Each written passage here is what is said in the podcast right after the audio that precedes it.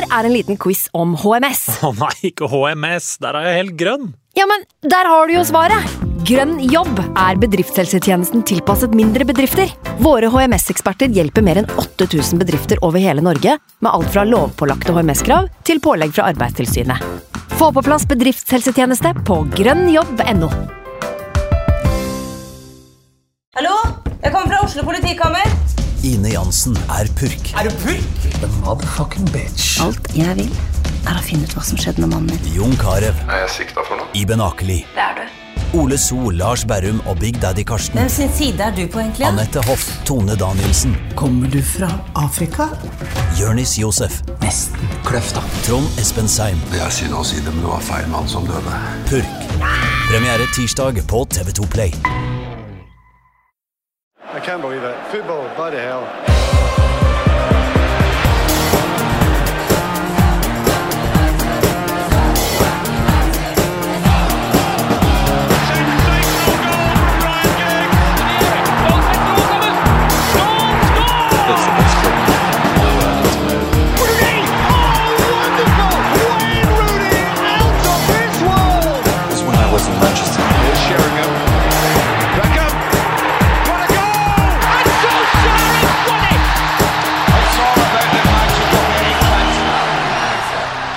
Velkommen skal du være til United We Podcast. Jeg heter Ken Vasenius Nilsen. I dag så har jeg med meg Fredrik Filtvedt fra Dagbladet. Hallo, Fredrik. Hei, Godt å se deg igjen. like måte. Eh, Og Eivind Brennod Holt fra United.no. Velkommen til deg også.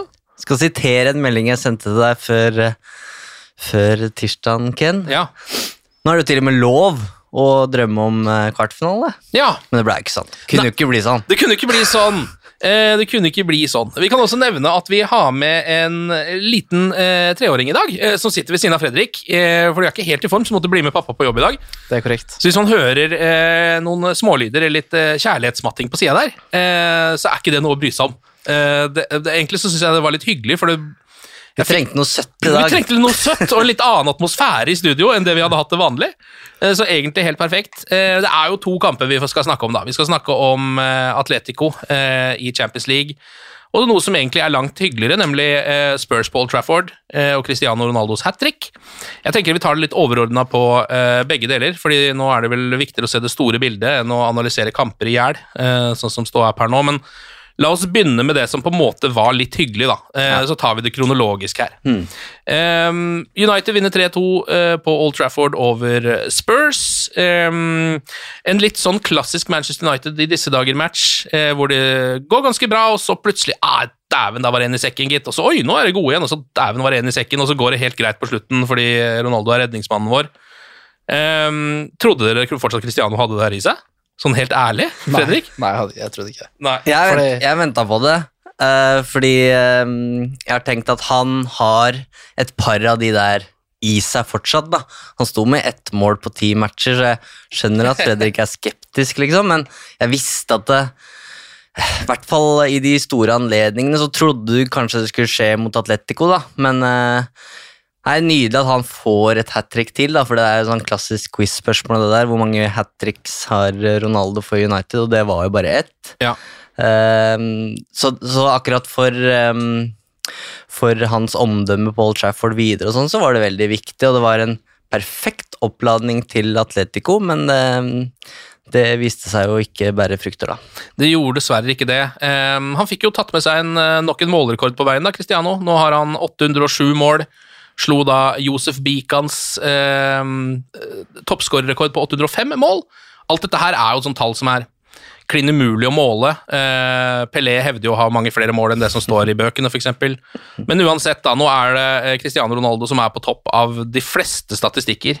Sånn sett, Og han gjorde det i rødt. Syns du det betyr noe ekstra, Fredrik, eller er det liksom litt samme? Det er jo, Når vi først eh, ønsker oss Ronaldo hjem igjen, så er det jo stas at det skjer i United-trøya. Um, også For å gå tilbake på spørsmålet stilte om jeg trodde han hadde i seg, så er det jo svaret nei, fordi han har vært så fryktelig dårlig. Ja. Uh, at han skulle skåre flere mål i United-trøya, det trodde jeg jo. At han nå fortsatt måtte måte, til en viss grad er en målmaskin. Mm. Men med tanke på det han har levert, og måltørke og alt sånt, så tenkte jeg ikke at et sånn type hat trick og en sånn type helhetsprestasjon, det trodde jeg ikke han hadde i seg. Eh, Men er det én mann man aldri skal avskrive, så er det Ronaldo. Ja. Jeg tror jeg avskrev han for første gang kanskje for fem år siden. Ja. Han hadde en sånn fryktelig periode i Real Madrid. Kanskje var syv år siden nå, jeg veit ikke hvor fælt jeg bomma. Eh, men eh, man kan ikke avskrive han. Men den, den er jeg helt med på, da, de måla, for det var jo nesten en reise i Ronaldos karriere. Mm. En forestilling, eh, hvor det først er et eh, langskudd som det er ikke helt oppe på porte- portenivå, men nesten. Ja. Eh, og så er det mm, den der enkle tap-in-skåringa som hadde mange av i Real Madrid etter hvert, som, som spiss der. Eh, og så det siste hvor han bare demonstrerer hvilket fysisk monster han fortsatt er, da, som en 37-åring, når han bare stanger inn eh, 3-2. Ja, det var eh, det eneste som mangla der, var liksom brassesparkmålet, på en måte. Eh, ellers så var det en oppsummering av Cristiano Og Ronaldo. Og, og noen overstegsfinter. Men det var jo eh, Cristiano Ronaldo på sitt aller beste, eh, de tre måla der. Um, deilig å kunne se en ordentlig syfeiring igjen på Old Trafford. Um, men bortsett fra det så føler jeg det var mye som også var um, Hva skal man si, som er litt sånn typisk Manchester United akkurat nå i den matchen her. Fordi jeg vet ikke om dere er enige, men jeg syns de kjørte Spurs ganske hardt, egentlig, uh, i den matchen. Jeg syns ikke Spurs hadde altfor mye å stille opp med. Um, Manchester United var best sånn som jeg så det, men allikevel så kunne det like godt blitt uavgjort i den matchen, på en måte. Litt, og det er pga. litt sånn tilfeldige ting. ting. Det er selvfølgelig et selvmål av Harry Maguire, for det må man jo nesten regne med, på en måte, at han skal gjøre et eller annet rart utpå der. Og så er det en litt sånn billig straffe. De får en straffe på en hens. United har eh, prøvd å få eh, Eller hadde en, et skudd, det var vel fra Ronaldo, i hånda på en Spurs-stopper tidligere i matchen. Og, eh, er det liksom, har dere noen forklaring på hvorfor sånne ting skjer med Manchester United så ofte akkurat nå? Det greiene der?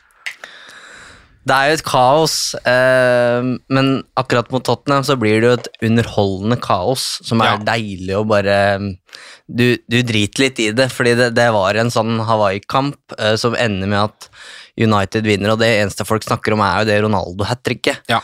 Men så får vi på en måte den andre siden av mynten mot Atletico, da, hvor det også er et kaos, men det gir på en måte ikke den samme Det gir ingen god følelse. nei. Nei, den samme utladninga i det hele tatt. Det blir på en måte bare negativt. En sånn implosjon istedenfor en eksplosjon. Da. Mm. Um, men for meg er det jo det kaoset der som måtte bare Det er et riktig bilde av hva Manchester United er akkurat nå. Jeg vet at det er ikke det Ragnhild ønsker seg. Det var den første han sa United hadde slått Arsenal, det var vel 3-2. Han sa vi Ja, det er underholdende for fansen, men det er ikke det jeg ønsker meg. Eh, Så han var ikke misfornøyd etter Tottenham-kampen, men jeg tror han heller ville tatt en 1-0-seier. Men det United-laget her er langt unna det nå, med sjølmål og det ene og det andre. Nå er jo du eh, journalist også, Fredrik, så du er jo kanskje ikke liksom like engasjert som du var eh, før, da du kunne jobbe rent subjektivt med dette feltet. Men allikevel, hvordan eh, er det å liksom, som United-supporter å sitte og eh, se på eh, kamper hvor det er så frustrerende? altså Tottenham-kampen er én ting, Atletico-kampen, men de kampene har veldig mye til felles også. På en måte Med dommeravgjørelser og tilfeldig altså det, er, det virker som det er ganske enkelt å score på Manchester United, mens United må jobbe altså så knallhardt for de få måla de får. Nei, det er, det er klart uh, Lidenskapen er jo der, men, men som uh, Jeg har jo jobba med live-rapportering, uh, spika sportsnyheter etter et tap mot Liverpool og sånne ting, så du er jo nødt til å være profesjonell. Ja. Du kan jo ikke ha noe følelsesretta lenger. Det er klart de kommer litt fram enn på hjemmebane, Ja. men det er jo mye mindre enn det var. Ja. Man er jo ødelagt av yrket sitt på mange måter. Eh, men det er klart at eh, når Elanga åpenbart skal ha frispark der, Ja. når du løper så fort, så holder det med et lite puff. Du kan ikke se på en reprise og si at det ikke er nok kontakt. I min bok, i hvert fall. Ja. Eh, Så kjenner jeg jo at det koker litt. Det føles jo ikke tilfeldig lenger, føler jeg. Når Nei, det er sånn så mange av de såkalte 50-50-avgjørelsene som går mot klubben i hjertet vårt. Da. Det er jo helt sånn det, Man blir jo nesten traumatisert av det, fordi du får en følelse av en kons større konspirasjon. Den er kanskje ikke der. Men jeg har en slags sånn følelse av at når sånne ting skjer For jeg har sett dette her før òg, med tidligere storlag som, man på en måte, som er ute av storhetsperioden sin. Og det er et eller annet som skjer med mentaliteten til alle, altså journalister, dommere, tror jeg, alle, som uten at man egentlig kanskje er sånn veldig bevisst på det, men det er veldig lett å bare sånn Å ja, nå sliter de igjen, det er vel bare å blåse i fløyta her. Skjønner du litt hva jeg mener, Eivind?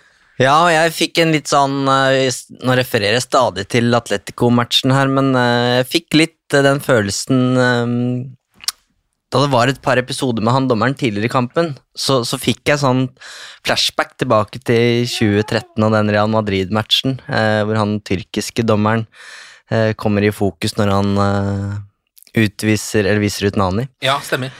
Og det, det er ikke noe tvil om at United har i hvert fall eh, hatt rett til å klage både mot Tottenham og Atletico. Det skulle vært uh, straffe til United hvis, hvis det var det til Tottenham, og, og det kunne absolutt vært frispark i forkant av den Atletico-skåringa. Mm. Uh, men det er som du sier, det er liksom når man er helt nede på bånn, så er man akkurat som en sånn magnet da, til de der, For de, for, for de avgjørelsene som, som vipper i, i feil favør.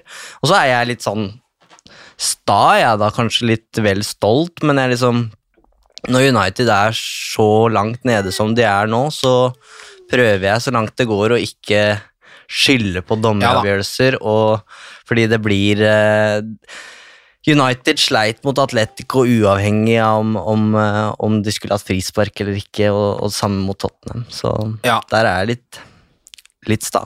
Ja, og det er, jo, eh, det er jo bra. det Man skal ta det high road eh, så ofte man kan. Kanskje spesielt eh, som Manchester United-supporter. Vi har opplevd såpass mye bra at vi skal ikke klage på en uh, lita formdupp på nærmere ti år. Eh, men uansett, jeg vet ikke, Fredrik, noe forhold til eh, Tom Brady? Har du det? Eh, NFL-legenden? ja, altså, ikke noe Jeg er jo ikke Jeg så mye på det for en ti års tid tilbake. Ja. Da studerte jeg i Kristiansand og ble kjent med noen folk som uh, satt oppe på natta og så på dette greiene. Ja. Uh, så veit jeg at Tom Brady er uh, the goat. Han er the goat. Eh, men eh, ikke noe annet forhold enn det, nei. Han er jo da amerikansk fotballs Cristiano Ronaldo Mm. eh, på mange måter. Var på Old Trafford eh, og så Cristiano skåre hat trick. Eh, hadde egentlig lagt opp, gjorde comeback dagen etter. Har han Det- lagt opp igjen nå, eller? Ja, nå, da, Han la opp etter Atletico igjen. Da var det ikke noe vits lenger. Det er en deilig historie, da. Det er jo to goats eh, som inspirerer hverandre, eh, og han ene tenker hvis du skal, kan få til dette, så hvorfor skal ikke jeg bare fortsette å spille? Så dere klippet med Ronaldo og Brady hvor Ronaldo spør du er ferdig, eller? Mm. Og så blir Brady litt sånn mm, Ja, ja. Det fin. Og så skjer det rett etterpå, så det er jo, det føles i hvert fall veldig lite tilfeldig da, eh, for meg. Jeg syns Cristiano kan ta med den på CV-en sin. Eh, ok, eh, vi hopper elegant videre til en kamp vi allerede har snakka en del om. Atletico Madrid, det er 1-1 fra bortekampen. Ingen bortemål som teller lenger, så er jo på en måte 0-0 da, eh, når kampen starter. Rart å venne seg til det. Ja, ja, ja, jeg tror Jeg har liksom fortsatt Selv når de har, kommentatorene har sagt det 100 ganger, så går jeg inn i den matchen og tenker United har bortemål. Så den her, her er det bare å kose seg, liksom. Um, litt om første gangen til Manchester United, Fredrik. Den er ikke så verst, den. Den er jo bra. Ja. Da fikk jeg melding av en kollega som er Liverpool-sporter. Liksom bare Syns United er gode? Ja. Jeg bare, ja, helt, helt, helt enig. Og du vet hvor mye det skal til for han, så de som må ha vært ordentlig gode ja, også. Ja, ja. Så nei, jeg syns det var gode. Uh, syns på en måte Atletico på mange måter fikk smake sin egen medisin fra første oppgjør. Ja, da syns jeg at Atletico fremsto i første gang som United gjorde i første gang på Trafford. Ja. Og så justerte vel egentlig begge lag så at det til en viss grad blei korrigert, og at man tok litt brodden av det hjemmelaget var gode på i hver sine første omganger. da. Mm. Eh, men så så jeg jo at shit, det skal ikke mye til før Atletico eh, Altså, de er, de er livsfarlige. Ja. Eh, så man fikk jo den advarselen med den offside-annullerte skåringa, Mm. eh, men det holdt jo ikke, det. Det gjorde ikke det, og det var vel første gangen jeg også fikk en litt dårlig følelse i den kampen. Eh, For fram til da så har det jo virka som ehm, Altså Hvis United kunne spilt sånn der eh, i hver eneste førsteomgang, så hadde de vunnet mange fotballkamper, tenkte jeg da jeg eh, satt og så på de. Perfekt, eller sånn Presset var nesten perfekt. Det, var vel, det satt liksom litt sånn som Ragnhild vil. I tillegg til at de klarte å skape en del, eh, om ikke de største sjansene, så Ja, det var jo en kjempesjanse der med Elanga, da. Den er jo massiv, den han setter rett i panna på Oblak. Han veit jo ikke at den redder engang. Um, og det jeg satt igjen Det bildet jeg satt med, igjen fra Madrid, var på en måte at United blei bare liksom slengt i bakken da, i pø av pøblene til Diego Simione. Og de hadde på en måte ingenting å stille opp med, og det var så rart at de ikke var forberedt på den ja, shithousery-kampen som venta der, da. Eh, og så liksom de siste 20 minuttene så redder de jo, er på en måte heldig og får den Elanga-skåringa, men eh, avslutter på en måte kampen best og, og tar med seg et strålende utgangspunkt hjem og er helt tydelig bedre forberedt, da, syns jeg det virker, Mm. virker som. Eh, og så syns jeg han som kanskje skal ha mest honnør for, eh, for etter den Atletico-kampen, er Fred. Ja. Han er, um, har jo et Redondo-øyeblikk der. Ja. i, det sier litt om selvtilliten hans. Og litt, litt annen frekvens i beina på han, syns jeg, enn det det har vært tidligere. Dekker litt større radius. Um, veldig, veldig bra mot, eh, et Atletico Madrid-lag som ikke er lett å presse mot. da. Så det er fjær i hatten til, til Fred. Så du det her komme fra Fred, eh, Fredrik? Altså, han er jo helt eh, Det er jo en eh, Fred the Red Redemption utpå der. Han kjører tunneler, han spiller som en blanding av Ngolo Canté og Ronaldinho i en 20-minuttersperiode der. Eh, Jeg skal ikke skryte på at jeg så akkurat dette komme, men jeg kan svare både ja og nei, fordi så, så fort man bruker Fred riktig, så hadde jeg troa på at han hadde noe veldig bra i seg, men ikke som dyptliggende playmaker, eh, Nei, liksom. Eh, For nå spilte han litt lenger opp i banen, som er mer som en vanlig boks-til-boks-aktig midtbanespiller, kanskje. Og når han får brukt løps løpsgrensen, aggressiviteten hans, eh, og han da spiller på seg selvtillit med det, så viser han at han også har ganske god kontroll med ballen i beina innimellom også. Ja. Eh, så jeg er jo imponert, ikke sånn kjempeoverraska egentlig, men du, det kommer til et punkt hvor du på en måte Ok, nå har du fått holde på så lenge at da, da går ikke dette. Mm. Eh, men jeg husker debuten hans mot Leicester, selv om ikke den var sånn kjempebra, så så jeg så mange kvaliteter hos han som jeg tenkte dette er akkurat det United trenger, Mm. med løpskraft, aggressivitet, gjenvinning. Eh, og så har det gått for lang tid mellom de høydepunktene, da. Og, og jeg mente han har vært altfor svak med ball til å kunne ligge i en allerede ganske svakt balansert United midtbane. Ja. Men eh, veldig godt å se at han får ut det han For han har mye inne, og nå begynner han å få det ut. Og altså, tenk det han har vært igjennom òg. Eh, altså, Søramerikanere har jo et litt sånn tilsomt rykte på Old Trafford med å gi opp eh, raskt og sånn. Mm. Fred har vært en hakkekylling, altså. Eh, kanskje ikke like ille som, som det Harry Maguire opplever nå, men det har vært veldig ofte at det er Fred og, og McTominay som har fått skylda eh, når United har slitt på, på midtbanen. Og så er det som Fredrik sier, det handler kanskje om hvordan de har blitt brukt av, av treneren. Da. Og Fred virker som en veldig Han går ut og gjør jobben, liksom, og er veldig samvittighetsfull i det oppdraget. Eh, og det var et intervju nå nylig hvor han ganske ydmykt da, sier at det er han som eh, bærer piano, liksom, for de andre artistene i laget. Ja. Eh, og det er jo sånne folk Manchester United trenger, da. Kan ikke ha elleve Ronaldo, liksom, så Uh, jeg håper virkelig da, at Fred er uh, med videre når det toget her skal dundre i en eller annen retning. Ja, og at han også tar med seg eh, at den selvtilliten blir der, selv om resultatene går litt imot. Eh, Fordi eh, hvis han har det nivået her, så er det jo en midtbanespiller man kan kose seg med noen år framover. Mm. Ehm, vi må snakke mer om dommeren, fordi det går nesten ikke an å, å hoppe over det. Ehm, ikke overraskende, for det er tross alt en Diego Simiones Atletico Madrid bortekamp, Uh, dette her. Så det er ikke noe Altså, um, jeg så annet Jonas Giæver, som er med her i podkasten innimellom, uh, og er veldig glad i spansk fotball. Han skrev det bare på forhånd, dette her kommer til å skje. Uh, og det skjedde, akkurat det han skrev. Eh, det kommer til å bli shithousery på høyeste nivå. Football's dark arts, som han kalte det.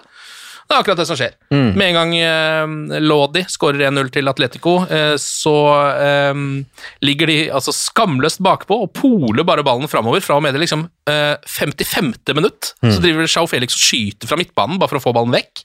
Og, Og der den går ned på alle situasjoner, alt tar veldig lang tid.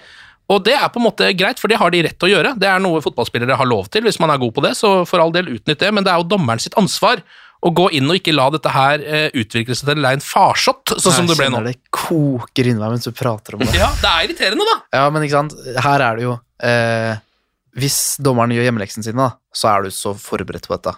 Og det Eivind var litt inne på i stad, at United på en måte også lar seg frustrere og ikke virke forberedt. Det er altså sånn, Jeg tenker at er er det mulig? Dette veit du jo kommer. Men så tenker jeg at når dommeren ikke gjør jobben sin, så klarer du til slutt ikke å ikke la deg provosere, Mm. fordi at du forventer at dommeren tar tak i det. Ja. Du får ingen hjelp derfra. Det er nesten noe motsatt her, fordi han, han bruker jo selv lang tid på sine egne situasjoner, Ja, ja. og lar dem bruke lang tid på det i etterkant. Det tar jo, altså, Jeg vet ikke hvor mye effektiv fotball det var i den andre gangen, men det var ikke mye. S eh, vent litt. Eivind. Eh, Siste, siste 30 minuttene så var ballen i spill 11 minutter og noen sekunder. Og så aner ikke jeg om Altså, jeg har jo ikke noe sammenligningsgrunnlag, men det høres jo lite ut. Det høres, høres veldig lite ut, ja. ja det, men det er, jeg, er litt, jeg er litt enig med deg, Eivind, at man, eh, er, man kan ikke henge seg opp i disse tingene her, fordi tross alt eh, Vi er Manchester United, vi har fått disse avgjørelsene med oss i mange år også. Men allikevel, det er altså uh, uhyre frustrerende å sitte og se på. Og det, det som jeg synes var litt deilig, da, var at dette her gjelder jo ikke bare oss United-supportere. Jeg så supportere fra alle lag i hele verden var ute og ha samme mening, da, for det er jo ødeleggende for fotballen generelt, ikke bare for eh, et litt skuffende Manchester United. Og så skulle vi aldri vært i den situasjonen, da. Det er jo det som på en måte, hvis, vi, hvis jeg skal være han eh, han eh, som er så stolt da, og, og ikke vil snakke om, de her, eh, om dommeren, så, så er det jo Og det sa jo Ragnhild etterpå, det, det viktigste mot Atletico Madrid, som er de beste i verden på det de gjør, det er jo ikke slippe inn først. Ja. Og nå, ga, nå fikk de da den, um, den uh, scoringa som de da kunne beskytte, men uten den, med en 0-0-match, og de også måtte fram til en viss grad, så hadde det jo ikke vært um, Ja, de kunne jo gått for straffer, men det hadde jo blitt en helt annen Mm. dynamikk i matchen. Um, og for meg, så, før, så når da den uh, han Lodi um, skårer der, så er det litt sånn Da tenkte jeg i hvert fall at nå blir det oppoverbakke. Det her blir en lang kveld. Ja. Um, og det, det blir det jo òg. Jeg syns Det som måte er mest Det, det jeg syns er mest frustrerende, og som gjør, det, gjør at nesten hadde vært bedre å bare tapt 3-0, som vi gjorde mot uh, Barcelona, det er liksom at de har ingen svar. Det, altså, Simione stiller en Gir på en måte United noen utfordringer som det virker som de Det er ingen på banen der, ikke engang Ronaldo, da, som har et, en eneste løsning på hvordan de skal bryte gjennom den muren, som er det ordet Ragnhild bruker. Eh, og når du da kaster inn Nemanja Matic og Johan Mata, som ikke har spilt fotball på gud veit hvor lenge, Ja. så, så får du ikke et bedre bilde av den desperasjonen som Ragnhild sto på der. da. Jeg, det må ha vært ufattelig frustrerende for han nå, på en måte stå med begge henda på ryggen, eh, bindet, eh, og jeg tror det var litt sånn spilleren ut på deg før til da, og du, du må få ut den frustrasjonen. Og når dommeren da holder på som han gjør, så, så er det han som, som får det, da. Ja. Eh, det jeg synes i så fall synes er litt bra her, er at Ragnhild kan eller sånn, Selv om de, disse grepene funka ikke, og selvfølgelig, det fins ikke noe mer desperat enn å hive inn Juan Mata eh, på slutten av en sånn match som det der, men han gjør alle byttene sine veldig raskt. Det liker jeg litt. Det ser i hvert fall at det er sånn han prøver, iallfall, da. Helt enig. Det er Selv om sånn- jeg syns at man på en måte bytta seg nesten dårligere og dårligere, Dessverre. så likte jeg veldig godt at han gjorde de grepene. Jeg var ikke spesielt eh, uenig uten at jeg, jeg heva øyenbryna og stussa når Mata kom. Mm. Så tenkte jeg han har en fin fot, han. Han kan jo gjøre et eller annet genialt. Vi Ja. vet jo det. Får man frispark fra 20, så kan det være han som er mannen, eller slå corneren. Mm. Så jeg var ikke uenig i det heller, selv om jeg selvfølgelig bare ok, nå er, nå er vi desperate. Mm. Men det skal man være i en sånn situasjon nå. Man Jeg likte det. at han prøvde. Ja.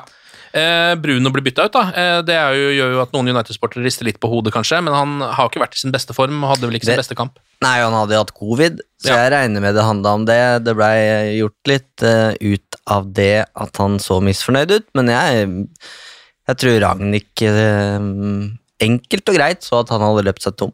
Ja.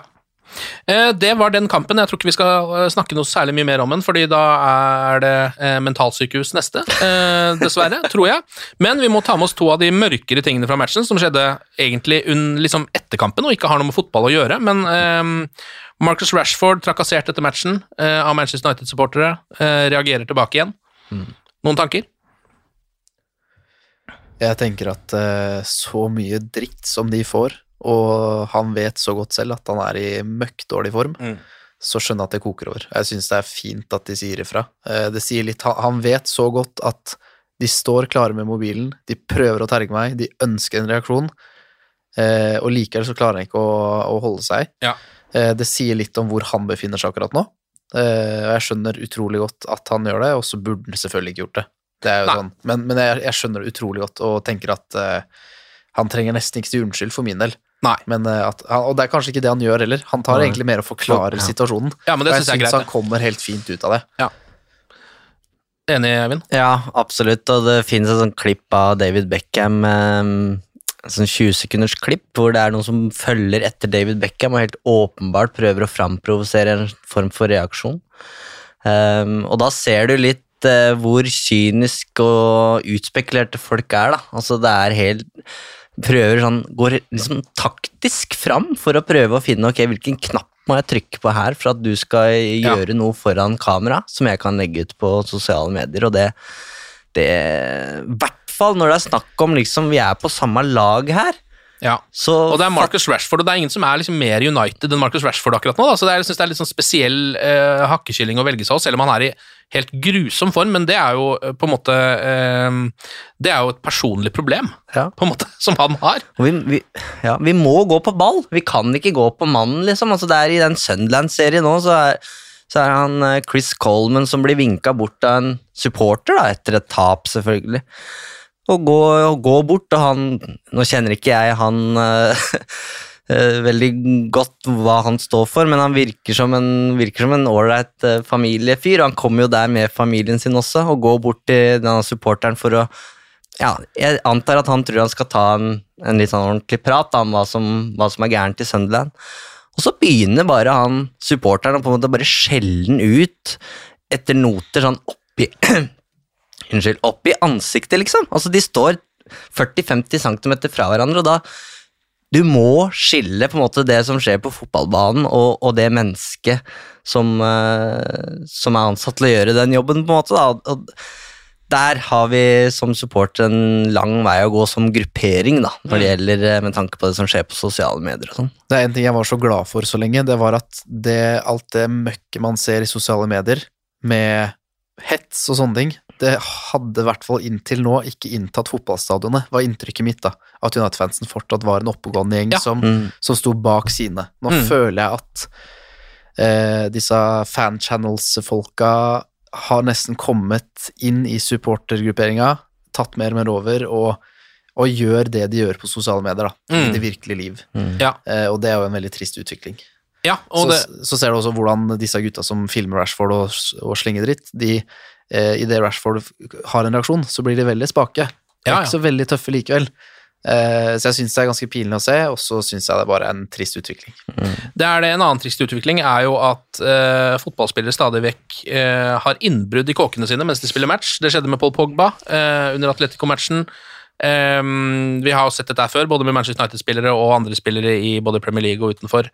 Eh, ja, akkurat den tingen den får politiet ta. Det får ikke vi gjort noe med. Ja, og Manchester United, syns jeg, da, fordi dette har nettopp skjedd med Victor Lindeløf, og da var det såpass skremmende for Maja Nilsson at de reiste hjem til Sverige med familien. De var jo da hjemme, og hun måtte holdt på å si, forskanse seg i sitt eget hus. Ble jo også brukt som en av grunnene til at Angel Di Maria dro fra eller ikke trivdes i Manchester.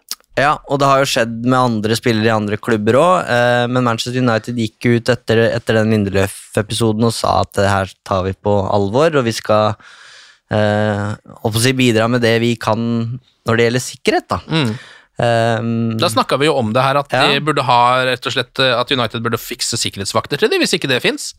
Utenfor Nå falt jeg litt ut der, muligens, men dere har sikkert begynt å prate om det. Men det er jo helt sjokkerende at spillere i United eller i, i en Premier League-klubb ikke har et en, en type sikkerhet som nærmest garanterer mot sånne ting. Ja, jeg syns også det. I hvert fall når det skjer gang på gang. Du veit jo hvilke verdier de har, du vet, altså at det at de spiller kamp nå, Ja.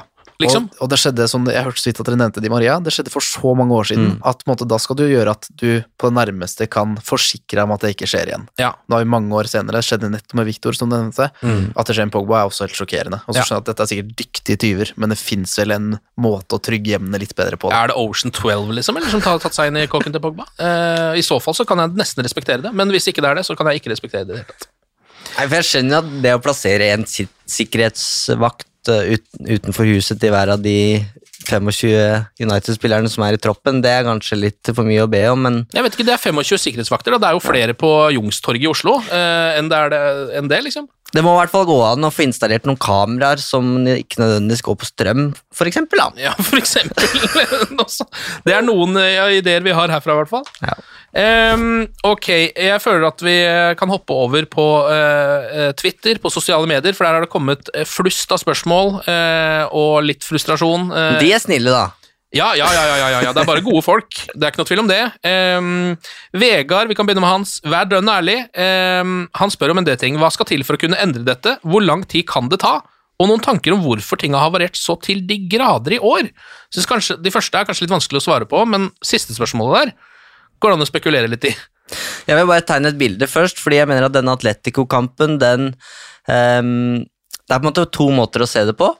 Du har de som tenker Oi, herregud, denne, nå, denne klubben må bare rives ned, og så må vi på en måte bygge den opp igjen fra asken. Men så har du de som sier ja, men det visste vi. Det visste vi før den kampen mot Atletico Madrid. Det her var det jeg forventa at vi skulle tape for Diego Simione og hans pøbler. Eh, men problemet her, uansett hvilken side du står på, det syns jeg at det er Ralf Ragnhild som står på sidelinja der uten et eneste svar mot en manager som ikke nevnes i det hele tatt i managerdiskusjonen. Det handler selvfølgelig mye om det vi har snakka om når det kommer til stil, da. Men han har ikke her blitt utmanøvrert av Guardiola eller Klopp. Det er et Atletico Madrid som er inne i sin største krise i løpet av Simiones ti år der.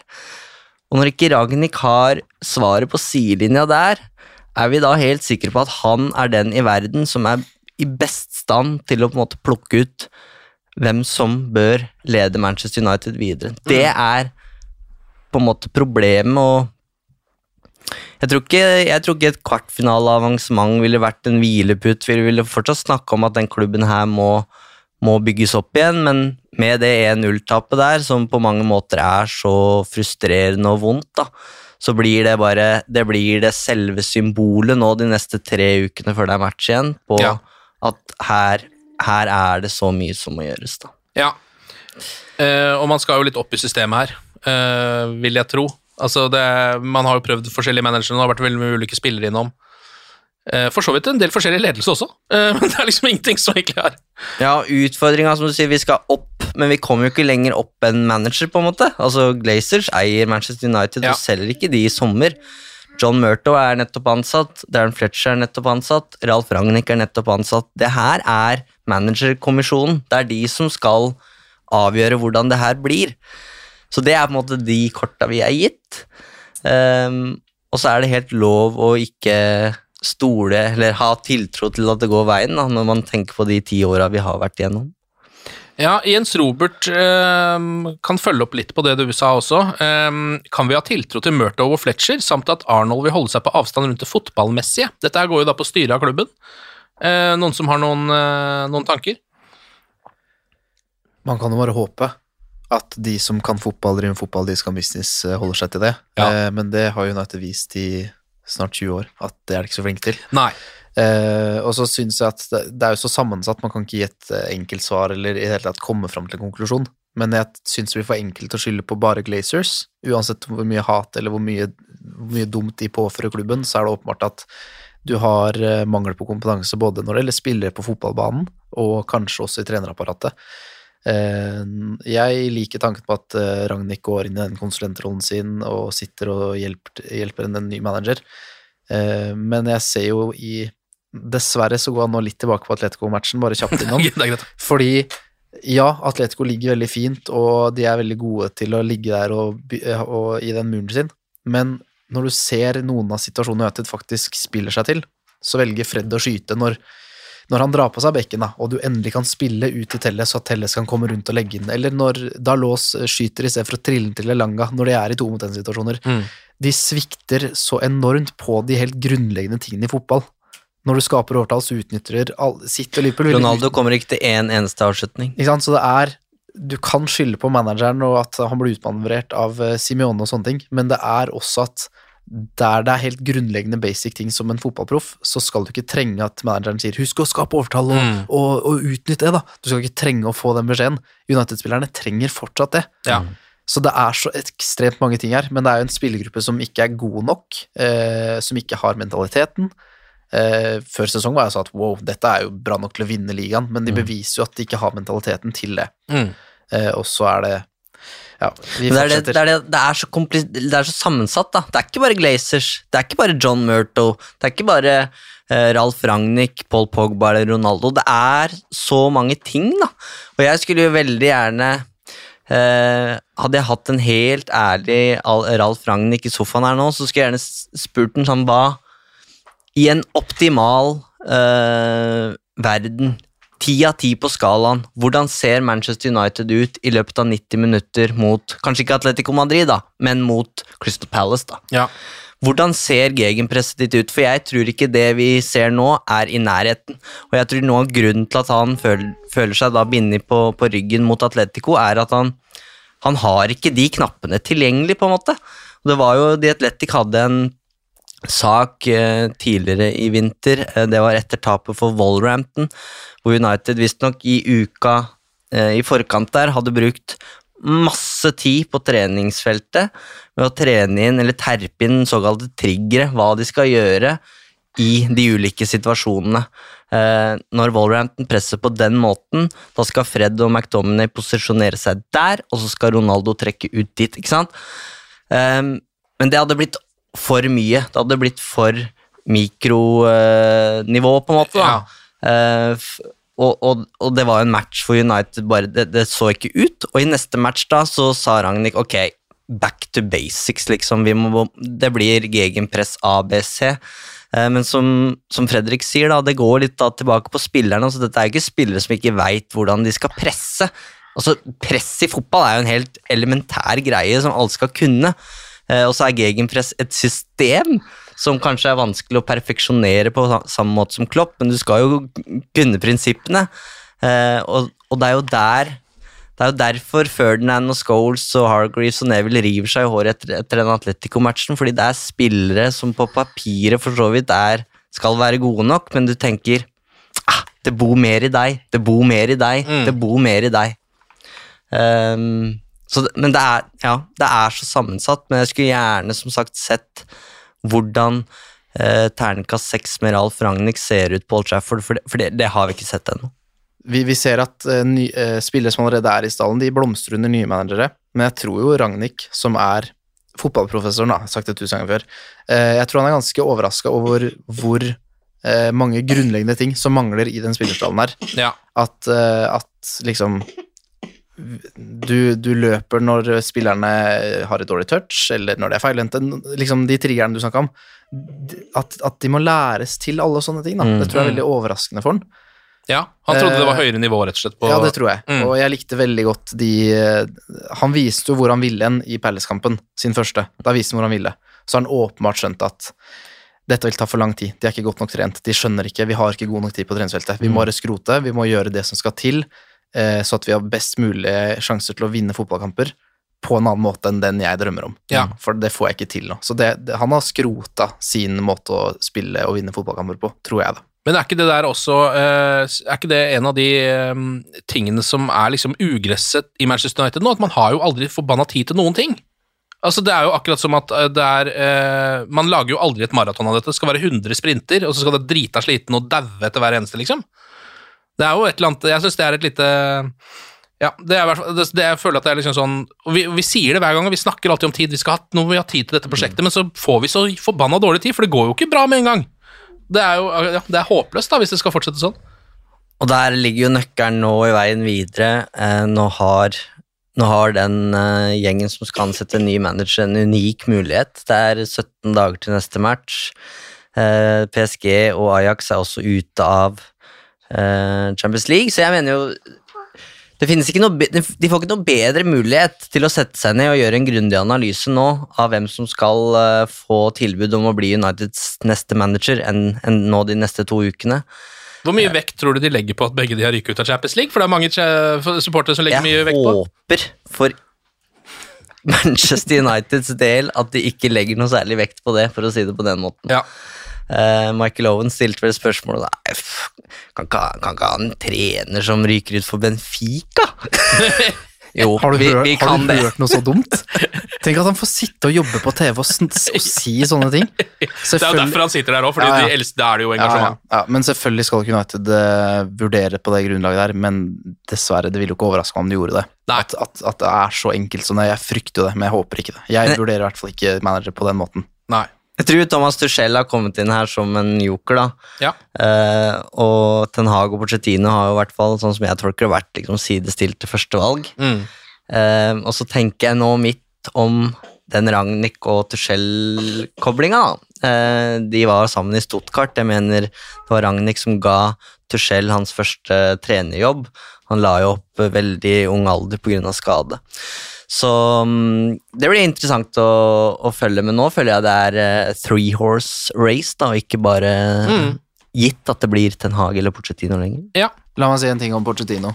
uh, og da tenker jeg at uh, det kommer lekkasjer fra spilleren om eh, at eh, de angivelig ønsker Pochettino. Mm. Ikke gi de spillerne det de vil ha. Ikke la dem styre noe som helst i den klubben her.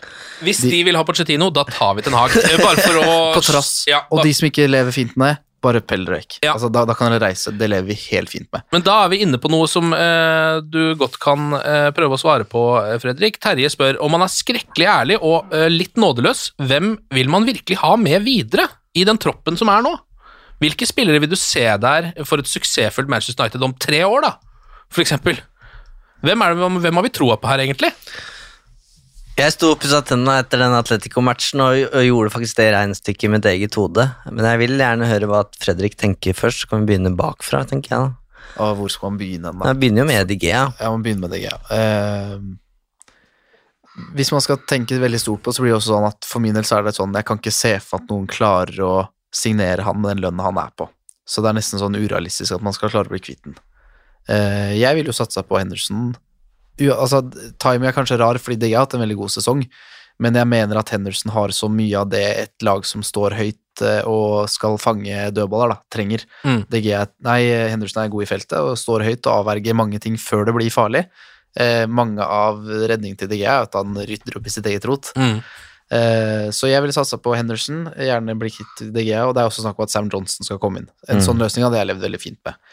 Eh, men man hører så mye om oppførselen til spillerne, om hvordan de er mot egne medspillere, om de, hvordan de var mot Solskjær, Mm. som gjør at man bare får så totalt avsmak. Ja. Eh, og man ser hvordan spillerne lar kontraktene løpe ned. Så kan man kritisere United for hvordan de har håndtert Lingard-situasjonen, men Pogba-situasjonen er en helt annen. Det er så mange ting som gjør at det er så mange man egentlig ikke liker. Og jeg snakka med en som jobber i klubben, som også ga et inntrykk av at det er veldig mange som oppfører seg veldig dårlig. Mm.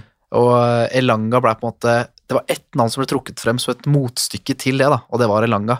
Ja. At han var en god og herlig gutt, liksom. Det var ett navn som ble nevnt. Og det sier jo ikke Og han har så vidt kommet inn i Ja, laget, på en måte. og det sier jo ikke at alle andre oppfører seg dårlig, men hvis du bare i en spill, så stor spillergruppe bare klarer å trekke fram ett navn du på en måte liker godt, da, så syns jeg det tegner et bilde av at det er en spillergruppe som ikke akkurat beveger seg i samme retning.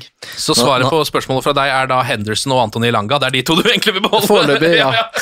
Nå driver Fredrik nesten med sånn tårnopp, som vi ser i Kompani Lauritzen her, når Ja. de står og skriker inn i øret og de skal avgi en sånn rapport.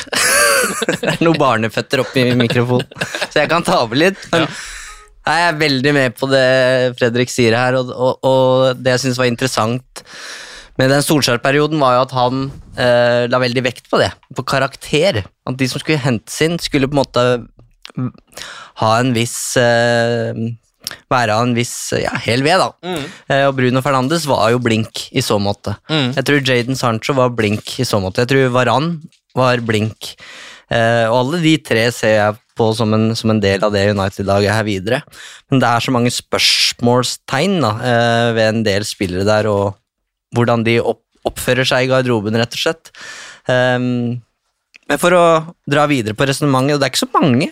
Det er, en, det er en liten stamme hvis man skal være veldig kynisk. Da. Og da, jeg ville levd fint med David Igea. Jeg syns det er imponerende måten han har reist seg igjen på etter å ha vært eh, helt på bånn. Eh, så han lever fint med som en eh, forhåpentligvis keeper i verdensklasse i noen år til. Rafael Varan kommet inn og vært Uniteds beste midtstopper uten tvil. Jeg har fortsatt trua på Luke Shaw, tenker at han er en stabil og god venstreback. Um, og så kan vi godt snakke litt om Fred og McTominay, men, men eh, ja, de må gjerne bli, men det er ikke de som skal dra det laget her framover. Um, Paul Pogba forventer jeg at reiser bort, uh, og så er det Bruno Fernandes, Jaden Sancho um, Hva med Marcus Rashford? og Marcus Rashford var den siste jeg skulle til. Ja. Og jeg tenker jo det er mange meninger om han om dagen, men det er nå en dårlig sesong, og så har han trøbla mye med kroppen. da. Eh, lov å håpe at han får en sommer nå til å hvile både hode og kropp, eh, og at han kan slå tilbake. Og så er det en drøss med andre som det, men altså, De kan jo ikke kvitte seg med 15 mann i sommer, så det er ikke det som er eh, fakta her, men det sier litt om når man har en kjerne på fem, seks, kanskje sju spillere som man stoler på, da. Ja. Det er, det er et litt skummelt utgangspunkt. Det er det. Eh, blant annet da bare liksom to i backrekka, for eksempel. Det, det med tre med David Hea, da. Ja, og det er en 80 millioners signering der som vi ikke har nevnt, ikke sant? Ja. Um, det er en uh, Han nevnte han mye før. Ja, uh, han med nummer sju på ryggen har vi heller ikke snakka om. ikke sant? Det er grunner Nei. til det, da. Men alle er vel enige om at i framtiden til Manchester United ikke er Cristiano Ronaldo, så den er jo på en måte uh, grei, da. Eh, en Sondre har et lite innspill her som jeg syns egentlig er ålreit. Eh, hvis det ikke går mot Champions League, da, som det jo akkurat nå ikke gjør, neste sesong, er det ikke deilig å slippe pluss 30 år-signeringene? Altså kjøre inn et ungt lag, snakker han om, eh, gjerne med Ten Hag i front, som han sier. Det er jo et eller annet med med en gang det der Champions League-maset som har ligget over Manchester United eh, egentlig siden Ferguson, som en sånn den der fjerdeplassen som de maser om hele tida, og må ha. Jeg tenker nesten det er deilig å bare ha nok en sesong utenom det, fordi det, det selskapet gjør det ikke bra nok uansett, og da kan man kanskje eh, slippe litt Cristiano Ronaldo Cavani-signering også. Kanskje. Jeg skjønner jo hvor, eh, hvor Sondre var det het. Mm. Jeg skjønner hvor han vil. Jeg tenker at gruppespill i Champions League ofte er på et såpass middels nivå, da. At det å kjøre ned en ung stall også er Mulig der, òg. Ja. Så tanken på Europa League eh, igjen er jo drepen. eh, men det er dit jo at det er i ferd med å gå, og da støtter jeg selvfølgelig fullt og helt at man skal satse på et eh, ungt lag, og jeg tror det er det de som eventuelt kommer inn, har lyst til å gjøre også. Mm. Eh, Ten Hag har gjort det med Ajax, eh, og kommer garantert til å fortsette i samme tralten hvis han får jobben i United. Eh, ja, det er mine tanker om det. Mm. Ehm, vi kan ta med et siste spørsmål fra Tommy. Tips til ny hobby, spør han. Ehm, jeg kan eh, hive Du kan begynne å game, spille Elden Ring. Eh, der har du i hvert fall 150 timer foran deg, eh, og Formel 1. Det er de to tingene jeg har. Ja, se Drive to Survive, nye sesongen der, og så Ja. er det vel sesongåpning nå i helga. Mm, så det er en Eh, perfekt timing å hoppe inn Men i må Formel 1. vi følge Red Bull, vi nå, da? eller? Ja, jeg gjør det litt allerede. Jeg. Altså, sånn, ikke pga. Red Bull, men pga. Max Verstappen. Eh, så ja. Eh, Jeg liker jo McLaren veldig godt. men Ferrari er jo rød farge, da, så det går an å Ja. kjøre det jo. Men det som jeg har oppdaga til min forskrekkelse, er jo at McLaren er jo eh, Formel 1s Manchester United. Å, er det det? Ja, for det er tidligere, det for tidligere storlag, liksom, Ja, som nå ikke Og investerer Ja, det gjør jo alle laga, det er ikke det, men de Bruker Bruker litt for mye penger? Gammel storhet som bare ikke får det til. Men nå er det et veldig kult lag der, da, med Ricardio og Norris. Dæven, ok, så det, er- ja, men da må man uh, begynne å føre Formel 1, men for all del ikke bli McLaren-fan, for da er du på samme greia der, og så må du gi deg med det og finne en ny hobby om et par år uansett. Og Hvis du, blir, eh, hvis du blir pappa og eksempel får to tette barn, da, så har du heller ikke tid til å se på kamper. Da må du se det i opptak, eh, prøve å være uvitende. Sånn som det er du også gjør. et godt tips, da, hvis Ja. du ønsker å få slutt på lidelsen. Det er ditt tips. Da har du ikke tid til å uh, mase så mye med det uansett. Nei. Men kan vi ta det til Hedman, eller? Før vi mm, avslutter? For Ja. å avslutte litt positivt. Han etterspurte vel fem håp, da. Ja. for framtida, det er jo tre lange uker. Nå kan man se Formel, Formel 1, som du sier, men jeg tenker jo som så Vi må grave dypt her. Det er noen selvfølgeligheter. Men hvis man kunne velge fritt i hele verden en ny manager, skulle starte en ny fotballklubb, hvem ville man valgt? Ehm, og da tenker jeg Guardiola Klopp eh, står jo høyt på den lista, men er jo ua uaktuelle som United-manager, i hvert fall. Julian Nagelsmann er jo ekstremt spennende, men også uaktuell. Er det ikke da Porcettino, Ten Hag, eh, Tuchel Det er ikke så mange navn, i hvert fall, Nei. som er over de på min liste. Og da tenker jeg at da har de i hvert fall eh, på riktig navn på blokka, da. Så får vi se om de klarer å velge riktig, men det er nå i hvert fall eh, Man tenker i hvert fall at de, de vurderer de riktige trenerne her, da. Mm. Det andre som jeg har merka meg de siste dagene når jeg har gravd litt, er jo at det skjer Det er i hvert fall vil, det er en villighet til endring i Manchester United. Ja, det skulle jo bare mangle. Ja, ikke sant? Det skulle bare mangle, og det, for det verste hadde jo vært at ikke skjedde noe i det hele tatt. Ja. At det bare sto stille, og at man på en måte var fornøyd så lenge man solgte nok drakter og billetter. Men det er jo ikke bare snakk om å ansette en ny manager, de har henta inn en ny ledelse, selv om vi kanskje ikke er helt kloke på hva Darren Fletcher driver med på benken, og sånne ting, så har det i hvert fall skjedd ting der. De ansetter hele tida nye folk for å gjøre Manchester United bedre som en fotballklubb. Eh, og det snakkes nå om å rive hele Old Trafford ned og bygge det opp igjen. Ja.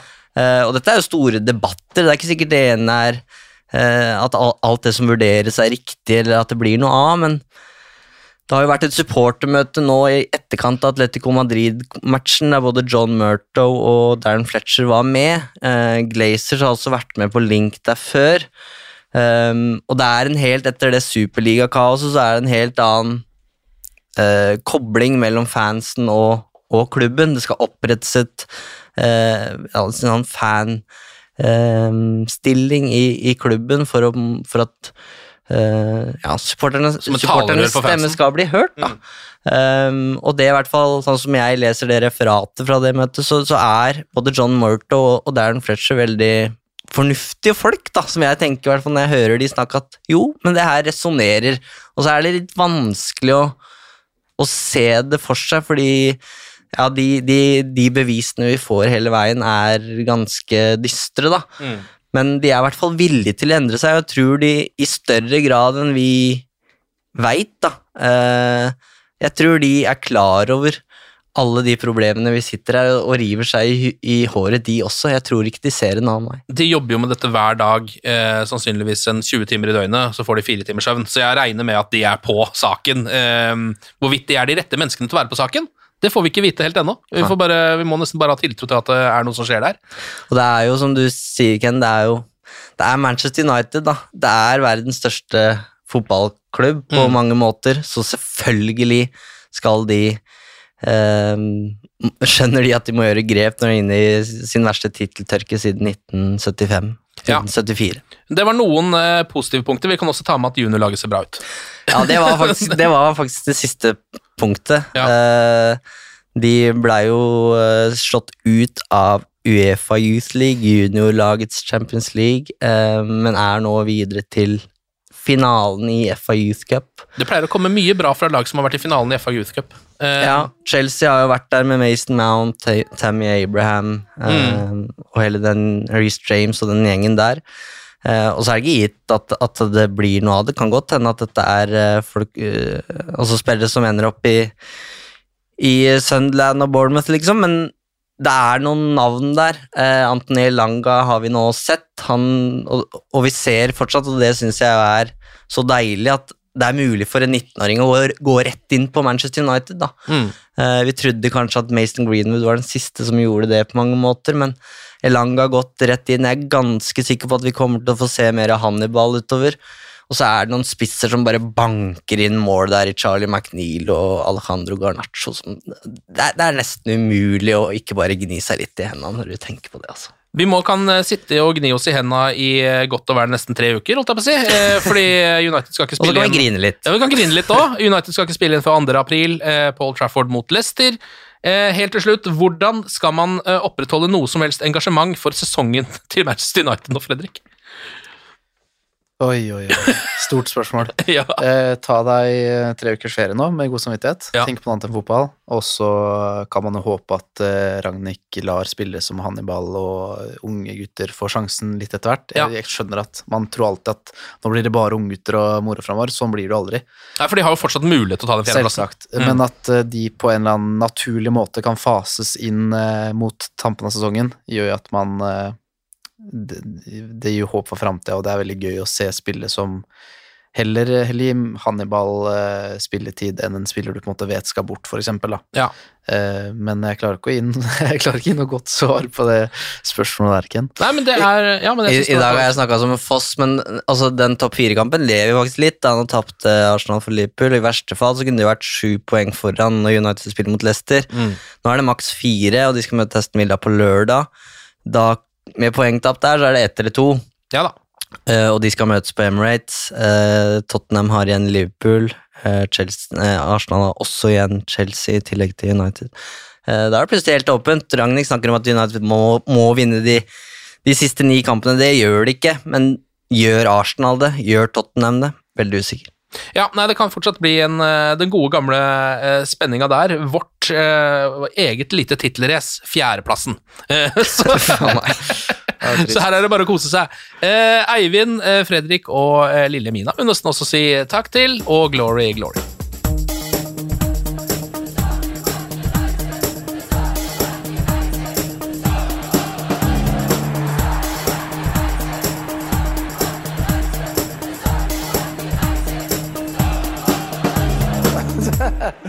It's true.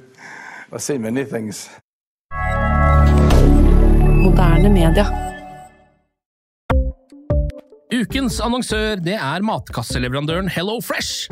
Der kan du velge mellom 25 ulike oppskrifter hver uke, eller få Hello Fresh til å sette sammen en meny for deg.